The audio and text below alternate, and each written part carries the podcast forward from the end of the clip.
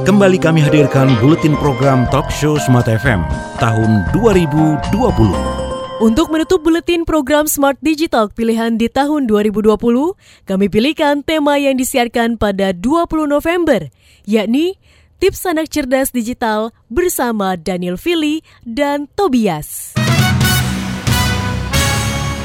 Smart FM, the spirit of Indonesia. Merasa gitu ya orang-orang tua di luar sana juga perlu Anda boleh share ya uh, via uh, Anda bisa menonton via streaming YouTube kami supaya melihat Tobi ya. Ada tadi kita sudah kedatangan Tobi juga malam hari ini. Jadi Tobi ini adalah anak kedua dari Bro Daniel ya dan juga uh, seperti yang Bro Daniel bilang dia ini salah satu anak yang native digital ya. Dan juga, Betul. Nah, Tobi. Tobi. Ah, Tobi, So, what activity did you uh, do with the internet? What kind of activity? Playing with my friend, playing mm. my phone, uh, studying with my mom. Okay. And that's all. That's all? Yeah. Your online school? Oh, yeah, so my online school. okay. So, you like uh, study or playing games more? I like studying a little bit and then like playing more. oh, nice. what kind of game did you play usually? With my friend. Mm-hmm. Yeah. I only play one game. It's called Roblox. Roblox. Okay. Can you only tell me what game. kind of game? Louder, okay. louder. I played. I only play one game. It's called Roblox. Roblox. Is it a war Roblox. or something? Roblox. Roblox. Okay. Roblox. Okay. What game is that? What kind of game? It's a game that you can change your character, mm-hmm. and then you can, and then in that game you can see like a lot of games, and then you can click on click on them, and then you can play them, and you and I and you can also favorite the games Mm-hmm. And you can also follow them and you can also like and you can also dislike them. wow, so it's so fun. Yeah? It's your favorite games? Yes. So far? Yes. Oke. Okay. Ini menarik Guru Daniel ya. Main game. Nah, ini kan banyak banget gitu orang tua-orang tua yang anak-anak nih main game terus ini Bro Daniel memperbolehkan anak juga nih untuk main game gitu emang nggak bahaya, nggak takut Bro Daniel? Takut anak keterusan atau mungkin ketagihan dan lain sebagainya? Oke, okay. menarik ya. Memang kan saya suka bilang bahwa uh, jangan biarkan anak main game dan lain sebagainya. Yeah. Termasuk tadi waktu opening saya membawakan beberapa kasus-kasus tentang bagaimana anak-anak mengalami kejiwaan mereka sehingga mau hmm. ditangani secara khusus gitu. Nah, seperti malam hari ini tema kita adalah tips anak cerdas digital. Jadi saya punya singkatan juga tuh dari tipsnya, double tips gitu ya. Double tips buat Bapak Ibu bahwa merilet ke pertanyaannya Audrey tadi bahwa tidak takut bahayakah sebenarnya. Jadi kalau bicara tentang takut atau tidak, pasti punya ketakutan. Setiap orang pasti punya ketakutan. Nah, pertanyaannya adalah apakah kita menyadari bahwa ketakutan itu akan membawa bencana kepada anak kita. Seringkali kita takut, tapi kita tidak sadar bahwa itu ada bencana seperti itu kan. Nah akhirnya kita rilis tuh anak-anak kita, kita kasih main game dan lain sebagainya. Nah di tips yang pertama, kata T dari tips ya, T I P S tips.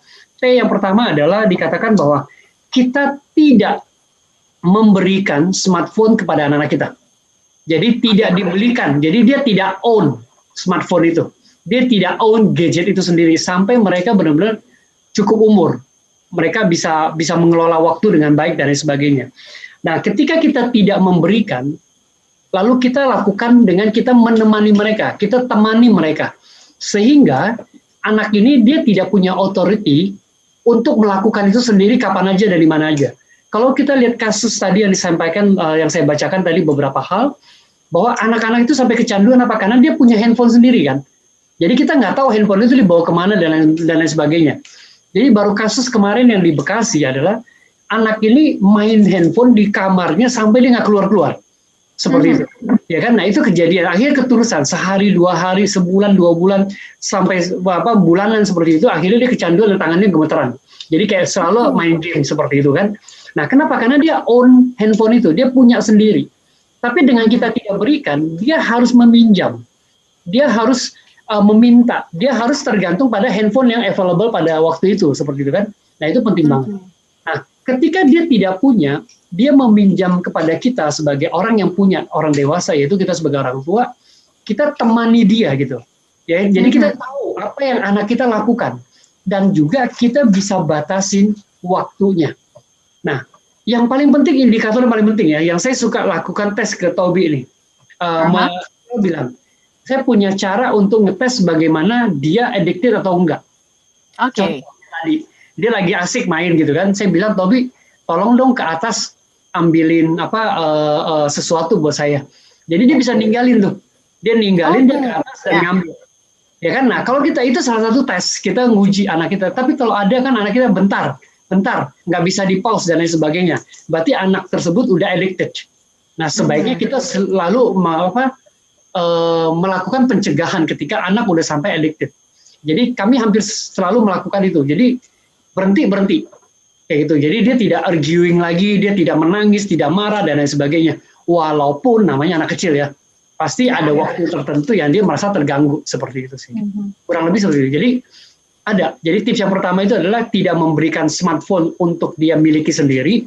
Lalu kita temani dia supaya kita tahu apa yang mereka lakukan seperti itu. Itu yang pertama Audrey, tips yang pertama. Jadi tidak ya, memberikan jadi. temani. Hmm Hmm. tidak memberikan ya. Kalau biasanya bahasa Bro Daniel tuh tidak giveaway ya. ya. ya Memberikan ya, ya. secara cuma-cuma.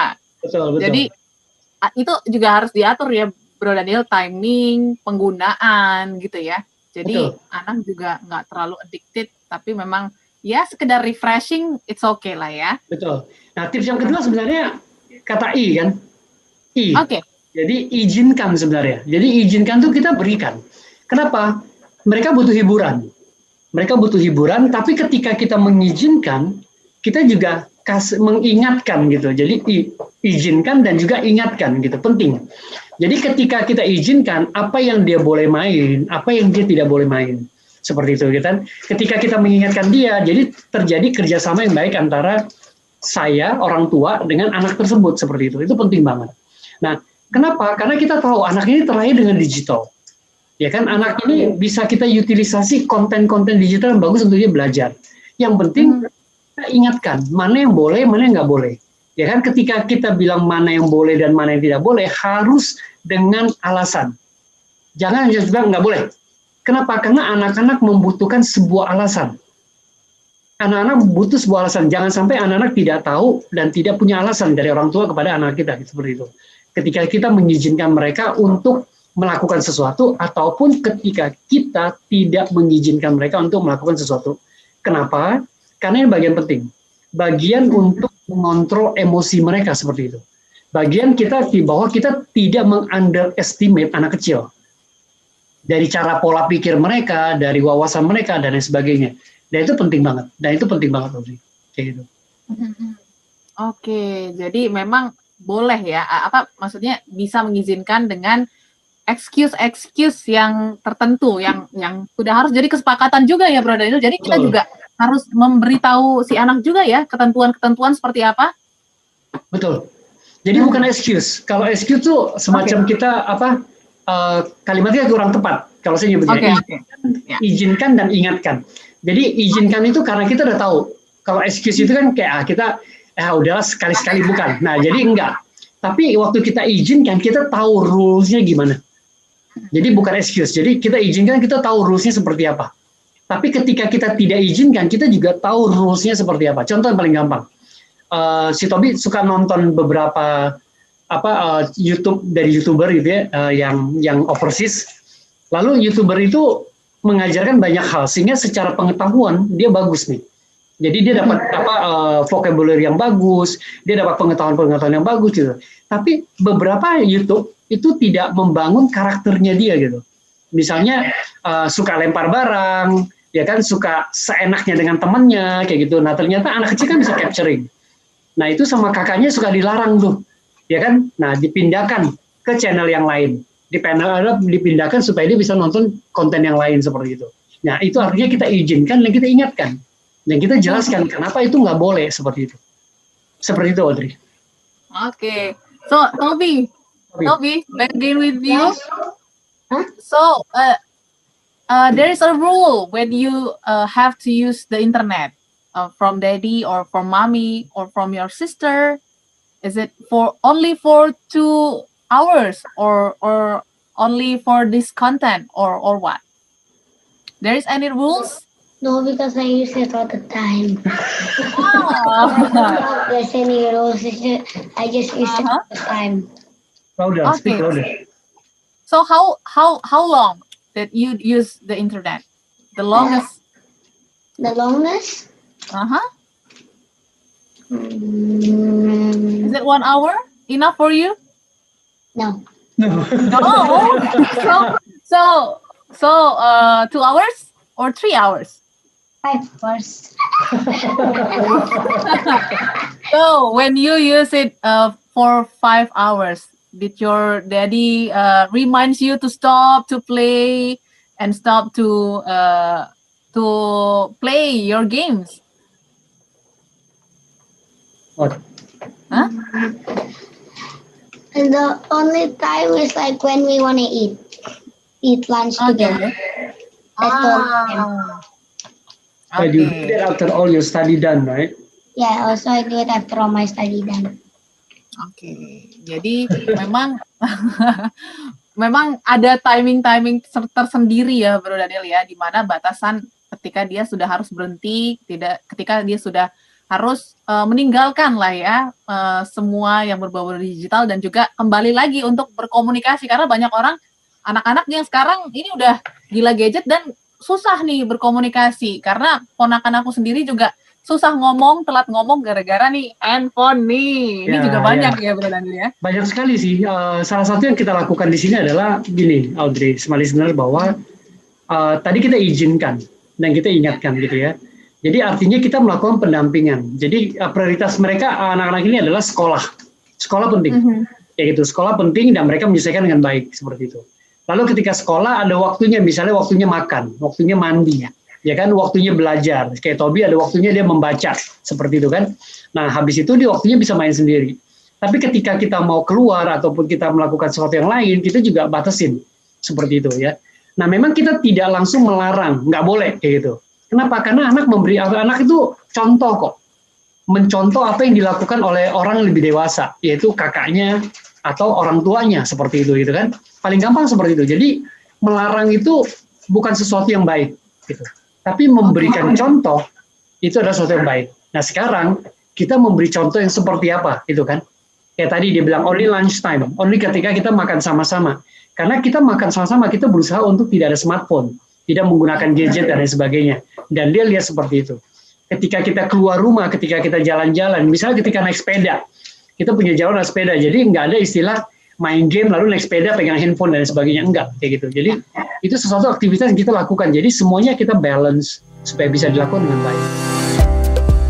Telah Anda simak buletin program Talk Show Smart FM, rangkuman terbaik Talk Show Smart FM sepanjang tahun 2020. Nantikan kembali program Talk Show selanjutnya.